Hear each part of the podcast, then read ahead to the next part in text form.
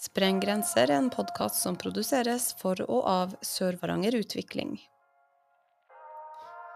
Jeg heter Vilde og skal lose dere gjennom fem episoder av denne andre sesongen av Sprenggrenser-podkasten. Jeg har snakka med folk i Sør-Varanger som er med på å skape bolyst.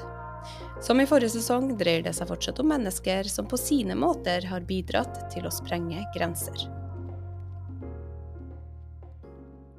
Dagens gjest i studio er vår egen fitness-influencer, Stine Mikkelborg. Velkommen hit. Takk for det. takk for det. Fitness-influencer, jeg vet ikke. Ja, Å kalle deg for fitness-influencer eh, er jo kanskje litt for å provosere, og eh, blir nok litt snevert i beskrivelsen av deg. Sånn som jeg ser deg, og kanskje mange andre også, så dreier ditt virke seg mer om eh, ja, en sunn livsstil. Gjort enkelt og forståelig. Og så tar du deg jo av opptreninga av våre nybakte mødre, og lærer oss opp på kvinnehelse. Ja. Det, var mye, det likte jeg mye bedre. kan ikke du fortelle litt eh, om deg sjøl og grunnen til at du holder på med det du gjør? Eh, det kan jeg gjøre. Jeg, grunnen til at jeg holder på med det jeg gjør um, Jeg kommer jo fra en aktiv uh, oppvekst med svømming, som på, egentlig det eneste jeg likte å gjøre. Uh, jeg har ingen gode erfaringer i skiløyper eller uh, noen andre typer idretter som ung eller ungdom. Um, men gjennom svømminga så ble jeg jo introdusert for en del ting. Flytta jo til Bergen som 17-åring, og der var det jo et mye mer profesjonelt miljø. Så vi ble jo opplært i styrketrening, og vi ble jo på en måte ikke tvingt, men det var meninga at vi skulle trene styrke to ganger i uka uh, på egen hånd. Uh, og gjennom det, da, så falt jeg helt sånn pladask for styrketrening, og var jo På den tida så var det jo Du nevner jo fitnessinfluensere, men det var jo i denne tida de virkelige fitnessinfluenserne holdt på, sant, med Alle stilte i bodyfitness, alle hadde en blogg, og alle spilte eggehviter. Og det var jo sånn eh, Når man kommer fra den der ene livsstilen med sport og idrett, og så fant man de her andre menneskene som levde på en tilsvarende ekstrem måte, men uten at man var på en måte i Kirkenes svømmeklubb eller i noe annet sånn. Så var det lett å liksom falle inn der. Eh, det var jo veldig, veldig trendy òg på den tida. Um, og man kan si mye godt om de her uh, originale influenserne, fordi jeg tror de er ansvarlig for at ganske mye jenter er i styrkerommene i dag. For når jeg kom hjem hit igjen, det var i 2007. Da var det ikke mange jenter nede på meieriet der hos han Kurt, i styrkerommet der. Da, var, da gikk de fleste gjennom til spinningsalen, og så så man ikke på det som foregikk liksom utfor synsfeltet sitt når man gikk inn der. Um, så når jeg, når jeg, la opp svømminga, så ble denne styrketreninga veldig det jeg likte å gjøre, da. Fant en måte der jeg kunne trene og utfolde meg, som ikke nødvendigvis krevde så mye av noe rundt, da. Eh, og så bodde jeg nå borte noen år, var i Trondheim noen år, og så bare var Jeg på å si inntok veldig mye. Eh, åpenbart en del svader, da, men eh, det er nå en annen historie. Men eh, Og fant etter hvert ut at det her trening og det å trene folk og styrketrening var noe som jeg kunne jeg var god på det, jeg var god å lære andre det, og jeg var god å på en måte ja, formidle kjærlighet til det, da. Eh, så jeg søkte meg på sånn eh, personlig trenerutdanning, og var hver helg i seks måneder i Oslo, på, på skole, da. Og, og ble jo møtt der med den realiteten at jeg trodde jo at jeg kunne alt. Jeg kunne jo ingenting. Men eh, så tok jeg den utdanninga, betalte jo Sånne der utdanninger koster jo litt. Og gjorde ingenting med den i Jeg tror jeg hadde den i to år. Og så flytta jeg hjem hit eh, og fant ut at jeg skulle ha sånne utebootcamps eh, med varierende hell. Delvis bra oppmøte, og ikke nødvendigvis så mye. Men eh, men eh, det ble til at vi fikk ikke leilighet i Stavanger den høsten, så da ble jeg her skulle jeg være her til januar. Og så var jeg på et kurs om det å på en måte Det er jo en ting at jeg som PT vet hva jeg gjør, men det hjelper jo ikke hvis ikke noen kjøper timer hos meg. Jeg var på sånn salgskurs gjennom denne skolen som jeg hadde tatt da, eh, PT-utdanninga gjennom. Og i løpet av den høsten, da, så solgte jeg 200 timer. Og da begynte jo liksom eh, SM Training, som egentlig var sånn Jeg lagde et firma i panikk når jeg var 25 år. Natt til 25-årsdagen min. Da var det jo plutselig lønnsom drift. Eh, så da har det egentlig bare balla på seg. Så er det jo litt sånn at man Jeg er jo kvinne, og i en viss alder, produksjonsårene, så da har det naturlig bare i løpet av de her årene jeg har drevet for meg sjøl, så har jeg bare blitt mer og mer interessert i damer. Eh, damer sine fysiske utfordringer, kroppene våre og hvordan vi er annerledes enn menn. Så har jeg jo tatt spesialutdanning for trening i svangerskap og etter svangerskap. Eh, og blir liksom aldri lei av alle de rare tingene som kan skje med en damekropp, som ikke skjer med menn. Ja. Hvordan har du sett utviklinga her i kommunen etter at du begynte, da, med både det med liksom Hva skal jeg si Ja, damer som trener styrke, ja, kunnskapsnivået, sånne ting? Altså, den utviklinga har jo vært ganske stor. Uh, når jeg kom hit, så var det jo ikke noe PT-marked i det hele og det store. Og nå føler jeg jo at det er Det er ikke noen som uh, hever på øyenbrynet hvis du sier at du har PT. Det tror jeg det var for Altså, ja, som sagt, så var det jo ikke noe marked når jeg kom hit. Uh, og det er jo vanvittig mye jenter i styrkerom. Nå er det jo litt sånn vanskelig egentlig for meg å si, for at jeg er jo ikke så mye i de andre styrkerommene. Jeg er jo i, på mitt eget treningssenter, og vi er jo uh, Av medlemsmassen min så er det jo 85% damer. Og det tror jeg ikke Det er kanskje ikke vanlig, men det er jo sykt kult. Det er mye, mye færre menn hos oss, og alle damene trener styrketrening. Og igjen, de fleste store influenserne nå har jo utdanning og kunnskap bak det de legger ut. Selvfølgelig, det er jo noen det er jo noen eh, outliers der ute, men, eh, men det, det, er lett å få tak i god informasjon i dag. Jeg tenker ja, litt tilbake til det der med eh, sosiale medier og eh, styrketrening. Jenter. Sjøl har jeg observert en del jenter. Telefon er ikke langt unna når de har en styrkeøkt. Eh, hva du tenker om den der utviklinga? Det kan jo fremstå som at noen eh, kanskje ikke er på gymmen av nødvendigvis egen interesse. Ja, at det liksom er trendy, tenker du? Ja. Nei, jeg holdt på å si Man kan jo si mange ting om det, men, men grunninnstillinga mi er at hvis du er på gymmen, uansett hvorfor du er der, så er det jo bra. Altså hvis du er der for å ta bilde av ræva di når du har tatt knebøy, så lenge du har tatt knebøy, så det jo, gjør det jo noe bra for deg sjøl på sikt. For det er, noe, det er jo en annen ting med det her med styrketrening spesielt, som kanskje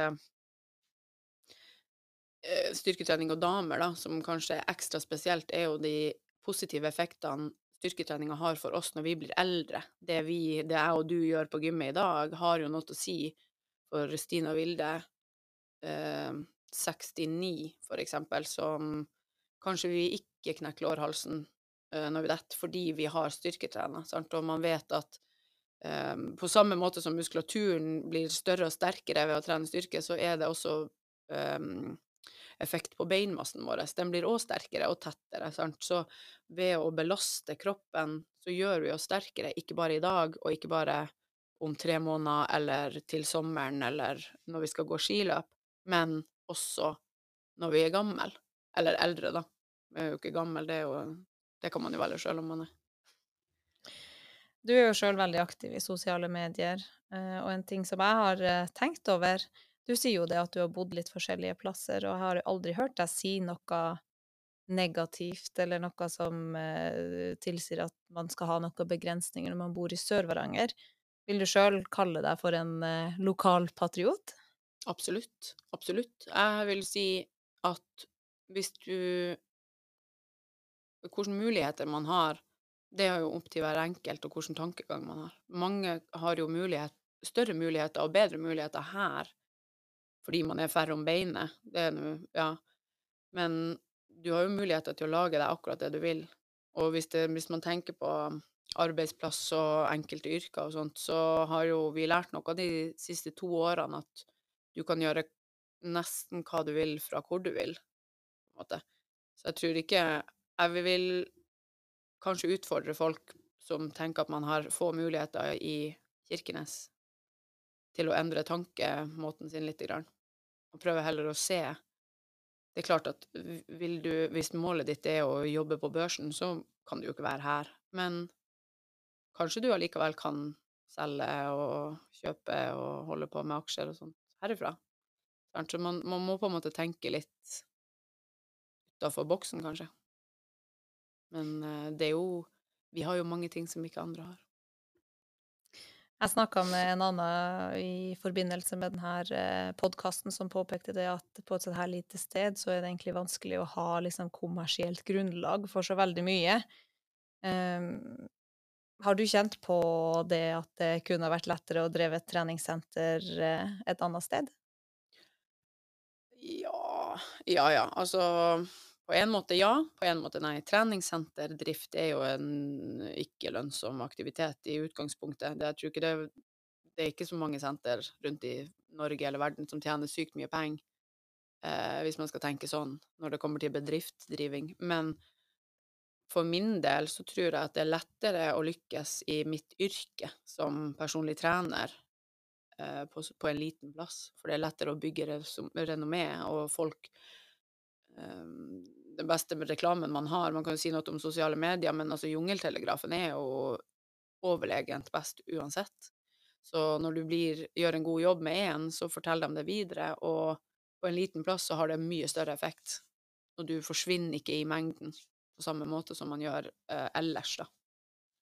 Og jeg ser jo, altså Jeg er jo medlem i en del sånne grupper på Facebook og, og forum for personlige trenere gjennom den skolen jeg har gått, og de, de, har det ikke noe lettere fordi de bor i Oslo sentrum. Det, de blir bare mindre synlige. Det er vanskeligere å få tak i kunder, tror jeg, på den måten. Men så kan man jo si noe om kommersiell drift, siden du nevnte det, at eh, enkelte, mm, enkelte bedrifter er jo avhengig av et visst antall mennesker som kommer igjennom for å, å legge igjen penger der for at man skal kunne gå rundt. Og det skjønner jeg jo at det er vanskelig er på små plasser. Ja, du har vel kanskje vært gjennom den eh, røffeste perioden i, eh, i ditt virke nå med covid-pandemien og alt, og du har jo stått han av? Eh, ja, det har vært noe drit, altså. Sorry. Eh, ja, nei, de her eh, to Ja, hva man skal si Det Jeg hadde jo drevet i tre år, fire år, når pandemien traff, og akkurat begynte å liksom komme meg fordi når man starter bedrift, så Man har gode og dårlige perioder, men de er mer dårlige enn gode. Eh, og så ble det pandemi, og da begynner man jo på null igjen. Å, jeg hadde litt skift. Etter, eh, ja, etter pandemien så det sier man etter. Vi er vel ikke helt etter ennå, eller er vi det? Ja. Men i hvert fall nå de her to årene som har vært, så føler jeg litt at jeg begynner på Ikke på null, men men det er jo en oppoverbakke fortsatt. Ja. Folk, vi fikk jo litt ufortjent dårlig rykte, føler jeg, i pandemien. Treningsbransjen.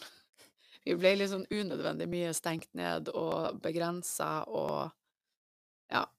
Eh, jeg gleder meg til noen stabile år fremover, da, der man, det er litt forutsigbarhet, og ikke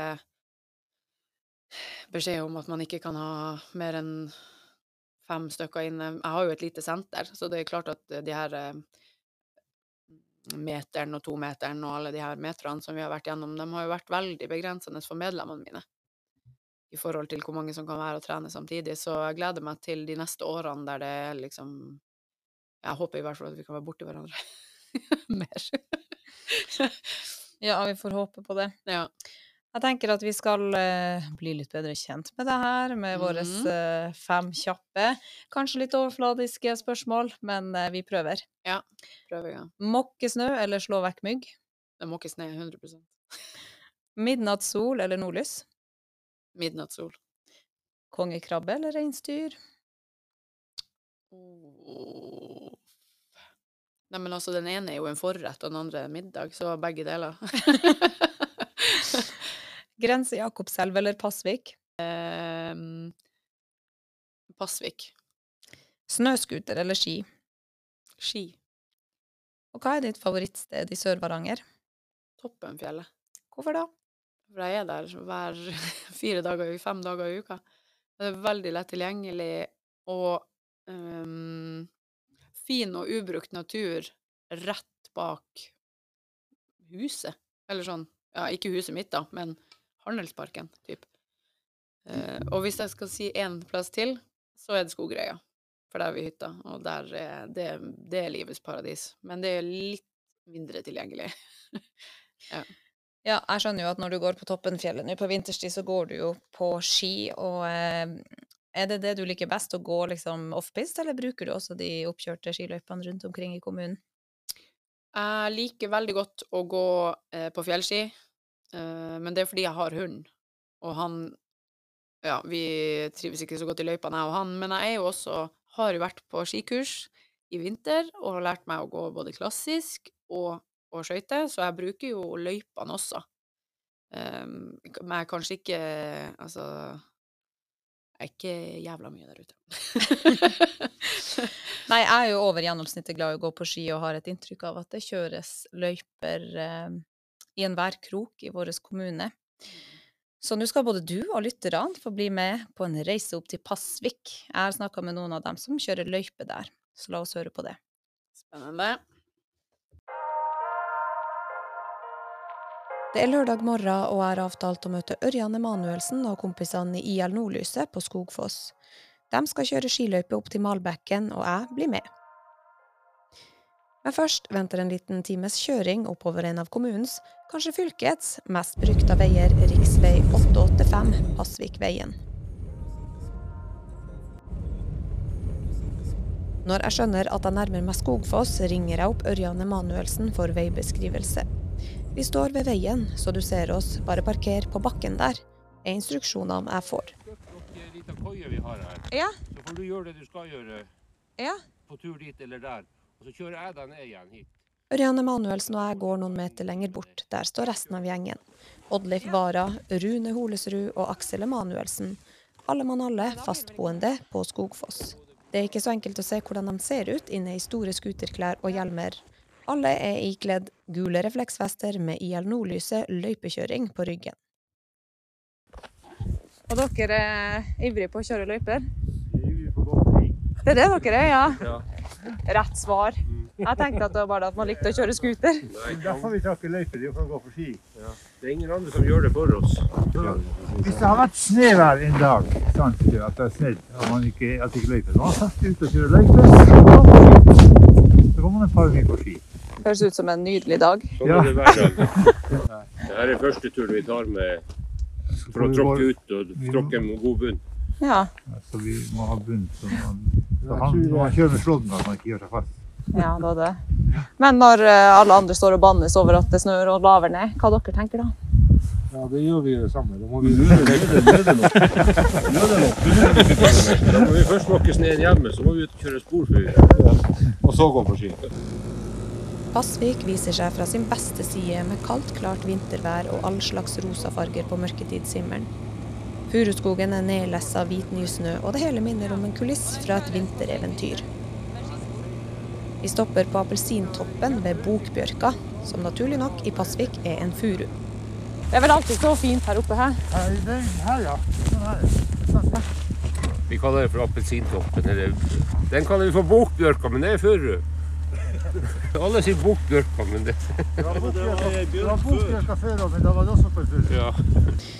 Vi durer videre oppover. Halvveis på turen opp til Malbekken gjør vi turens andre stopp. Guttene vil vise frem den nye frokostkoia de har fått lafta opp. 3,7 km på ski gjør koia til et ynda mål for familier på tur. Ja, det, er, det, er, vel ikke så mange som har brukt den ennå. Den er jo ganske ny. Det, det, mangler litt. Kjøkkenbenken Ja, ja. Det er jo. Det er vanskelig å få med folk til å bidra. Dere ser ut som at dere gjør det her gledelig. Han som er generalen. Det er du som er generalen, ja. Ja, ja, jeg er jo leder i idrettslaget. Jeg har kjørt en del løyper de siste årene. Så er det jo de andre de tar jo når, jeg- når jeg ikke kan. Så i år er det jo de her to som har styrer mest. Eller denne sesongen. Men eh, jeg regner med ting går på plass etter hvert. Nå er Rune også snart pensjonist, og da skal han også begynne med Det det. var et par år siden. Det er moroa vi skal ha, det må vi lage sjøl. Ja, så enkelt er det. Ja, det er akkurat det. Det er liksom ikke kanskje for å Det er ingen som kommer og gjør det for oss. Nei. Altså når jeg drar og går på ski i de her eh, løypene her, så er det ikke nødvendigvis sånn eh, holdt på å si, pulsen og intensitetssonene som er i fokus. Nei, nei, nei. nei. Det, det går over. En gang så var det. Men nå er det mer sånn Fantastisk godt terreng å gå på ski.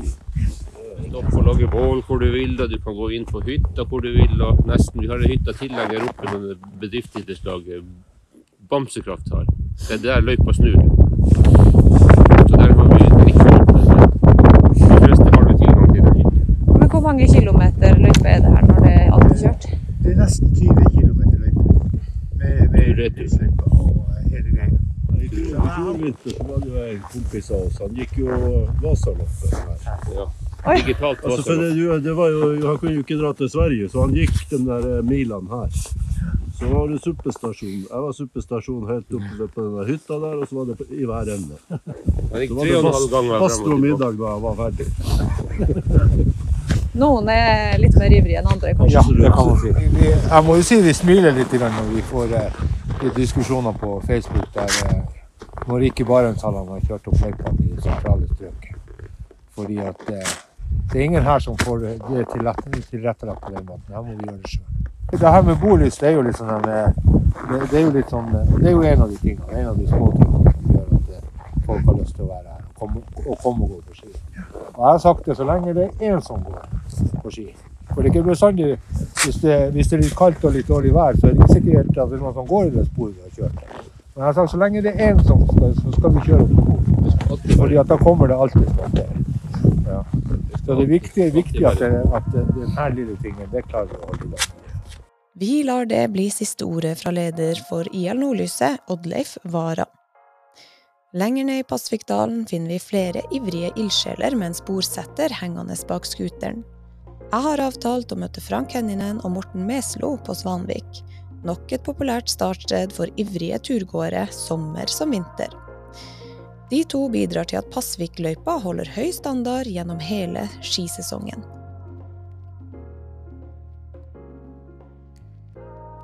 Men denne løypa som dere skal kjøre i dag, hvor lang er den?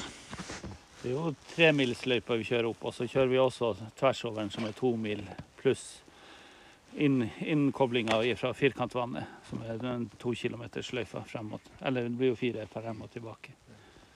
Også over Ospedalshøyda. Ja. Så alt i alt så kjører vi nok en fire mil. Det er jo, det er jo ei gammel løype vi kjører, egentlig. Eller sånn. Den Ja. tremilsløypa er jo det der klassiske Pasvik-løypa. Og den har jo vært i mange herrens år. Ja. Den er lagt om litt grann Ja. Halvparten av løypa er jo den gamle løypa som går ned til Kirkenes fra gammelt av. Men pga. gruvedrifta så ble det jo lagt om for ja, Det er noen år ti, siden. rundt ti år siden. Ti år siden. Ja. Så nå er det jo høgd en ny trasé som går på strandsida og så oppover hit til Svanvik igjen. Pluss at du har tversoveren fra Holmvannet og til strandsida. Og der nede med Ospedalshøyda også. Det er mange, mange timer på. Og så fikk du igjen i morgen. Hva dere, eh, hva dere tenker da? Nei, vi kjører på nytt igjen. Ja. Det er ikke verre enn det. Dere mister ikke motet det Nei, nei. Det er bare vi ser folk i løypa, så er vi fornøyd. Og det har det faktisk vært. Ja. Altså, det, det, er sånn, det har vært en sånn målsetting i de her to årene med, med, korona. Det er å holde de her løypene i orden. For da ser vi at folk kommer ut òg. Så det har vært egentlig veldig OK. Ja. Så det er litt sånn over til neste spørsmål. Hvorfor gjør dere det her?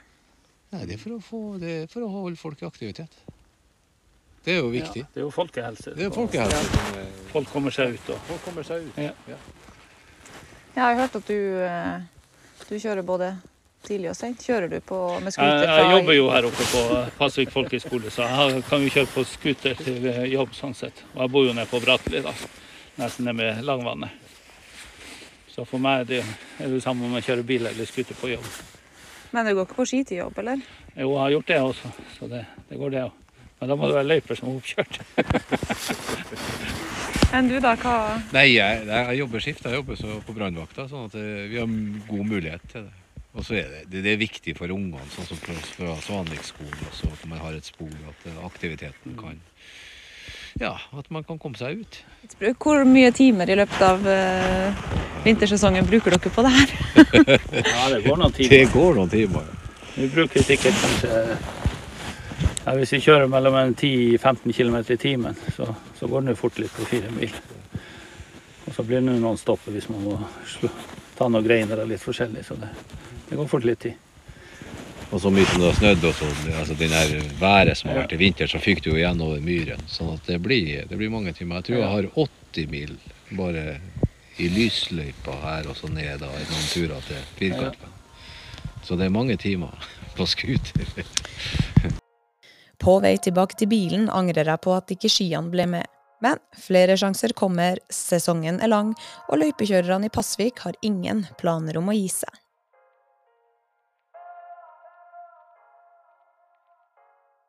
Ja, hva du tenker eh, når du hører fra de her karene oppe i Pasvik som eh, bruker utallige timer på å kjøre løyper til oss andre? Det er jo søkkende imponerende. Altså, ja. Det går noen timer å kjøre løyper. Men jeg har for første gang Jeg var i Pasvikløypa for første gang i fjor i mitt liv. Det kan man kanskje si at det er litt skamfullt, men sånn er det nå. Eh, og det var jo For det første så gikk vi ut i kjempefine løyper, men vi møtte også dem som kjører løyper som på en måte var ute og jeg vet ikke, vedlikeholdt eller ja. Så jeg, jeg, Det er jo bare kjempebra. Det er kjempebra. Og så fint at folk Altså sånne ildsjeler. Ja, hva skal man si? Det er jo veldig fint at de er, er her og, og gjør ting for oss. For folkehelsa, som de sier sjøl. Mm. Ja, og så sier de jo det at så lenge det er, det er en som går, eller så lenge de ser folk i løypa, så er jo det Ja. motivasjon nok.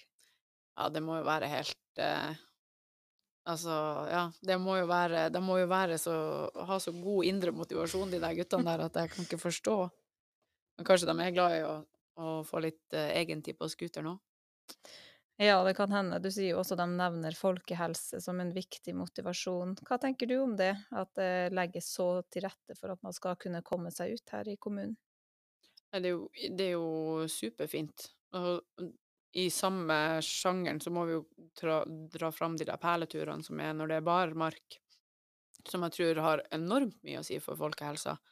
Jeg vet bare sjøl at er mange av de turene jeg har gått, de der perleturene, som jeg ikke hadde gått om det ikke var en perletur. Jeg var um, Hvor var det? Ja, jeg var i hvert fall på to nye plasser i sommer med å Helle i Bæremeisen, og hadde jo ikke gått dit, for måtte jo kjøre et stykke, og så, sant. Hadde jo ikke dratt dit uh, uoppfordra. Da hadde jeg jo gått på Toppenfjell. så det var det Nei, jeg syns det er kjempefint at folk eh, At det brukes eh, energi på at alle skal komme seg ut. Det er viktig. Ja, og så er det jo som du sier at det tvinger jo folk litt på sånne Eller man blir motivert da til å utforske kommunen i større grad og, og se hva vi har her. For uh, Sør-Varanger er jo virkelig Norge i miniatyr. Det er jo mange som sier det, men her er det jo faktisk eh, all mulig slags natur. Ja, vi har jo det. Vi, vi, eh, vi er jo også heldige med at det er såpass uh, Alt er så nært. Det er jo en av de Hvis vi skal ta frem noe positivt, hvis vi skal snakke om Bolyst uh, og Kirkenes Det er jo uansett hva vi skal, så tar det under en time. Hvis du skal opp til flyplassen, det tar under en time. Du skal til Finland, under en time. Til Russland, under en time.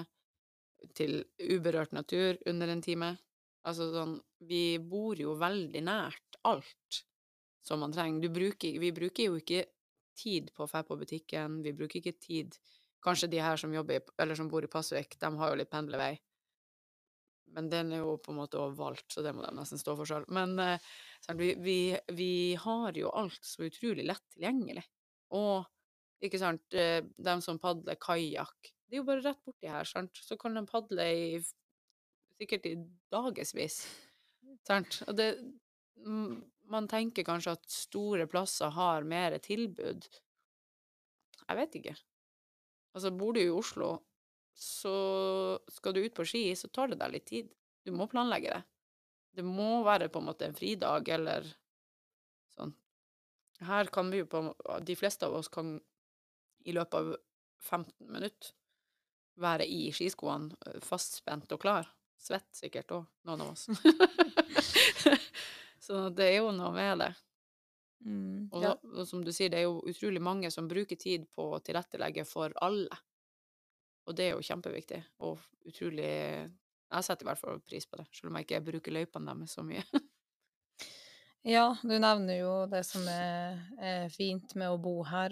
Men så er jo realiteten den at det er jo mange som flytter herifra. Vi sliter jo som alle andre egentlig distriktskommuner med fraflytting, og folk drar til de store byene. Og så er vi jo ikke unike med å ha fin natur.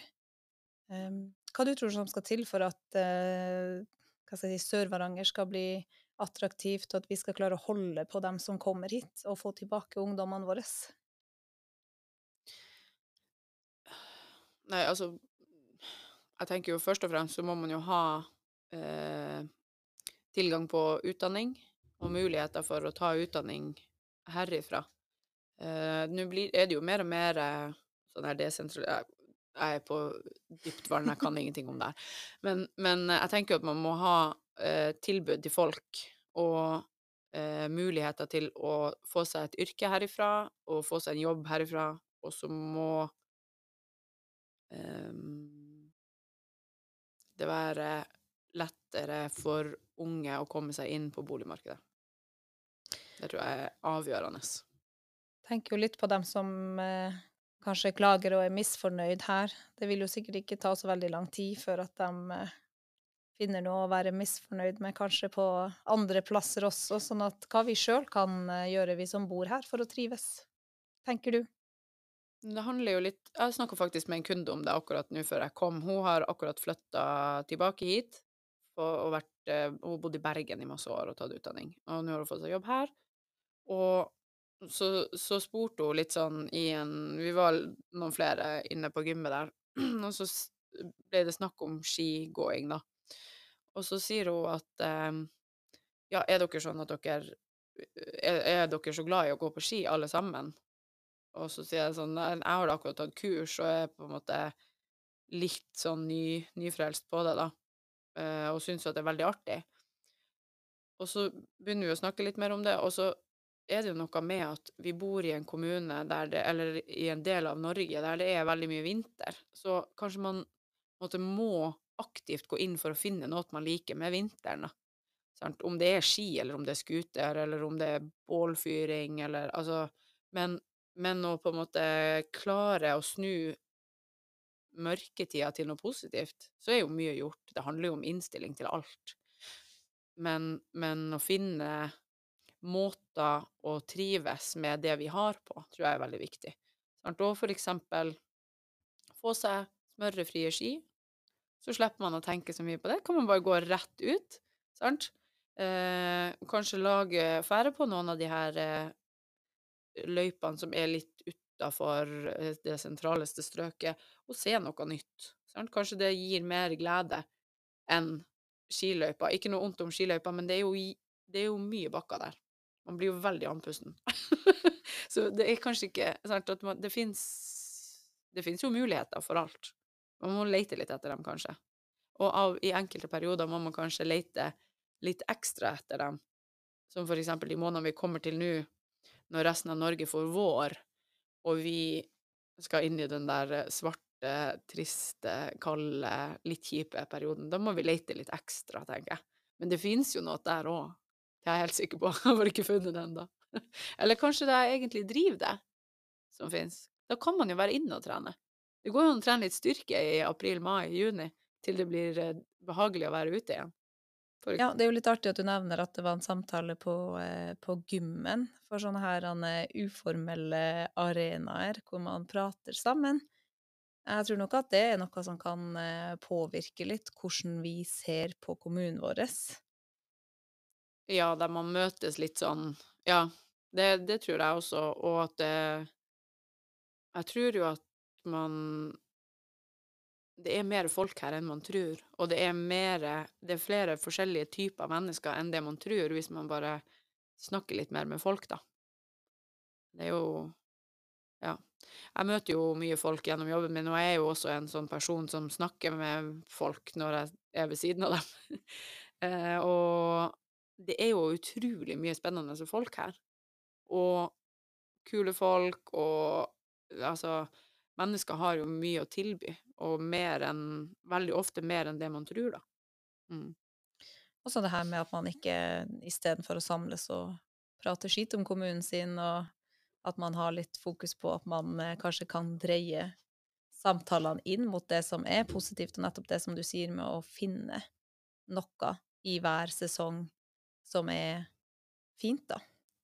Ja, det blir jo litt sånn at eh, Du vet, mange sier åh, jeg hater å lage mat, jeg er ikke interessert i det. Men du må nesten spise hver dag, sånn at litt interessert er du nødt til å være. Og på en måte, den samme tankegangen kan man ta sånn å, herregud, eh, Kirkenes eller Sør-Varanger, det er bare drit her. Ja, men hvis, du, hvis det er innstillinga di, så finner du bare drit. Hvis du leter etter ting som er dårlig, så finner du de dårlige tingene. Men det går også an å på en måte snu det andre kinnet til, se om du finner noe fint. Sant? Og det er jo mange Det er jo mange uh, forskjellige mm, skal, uh, Det er jo mye folk i denne byen som prøver å gjøre noe godt.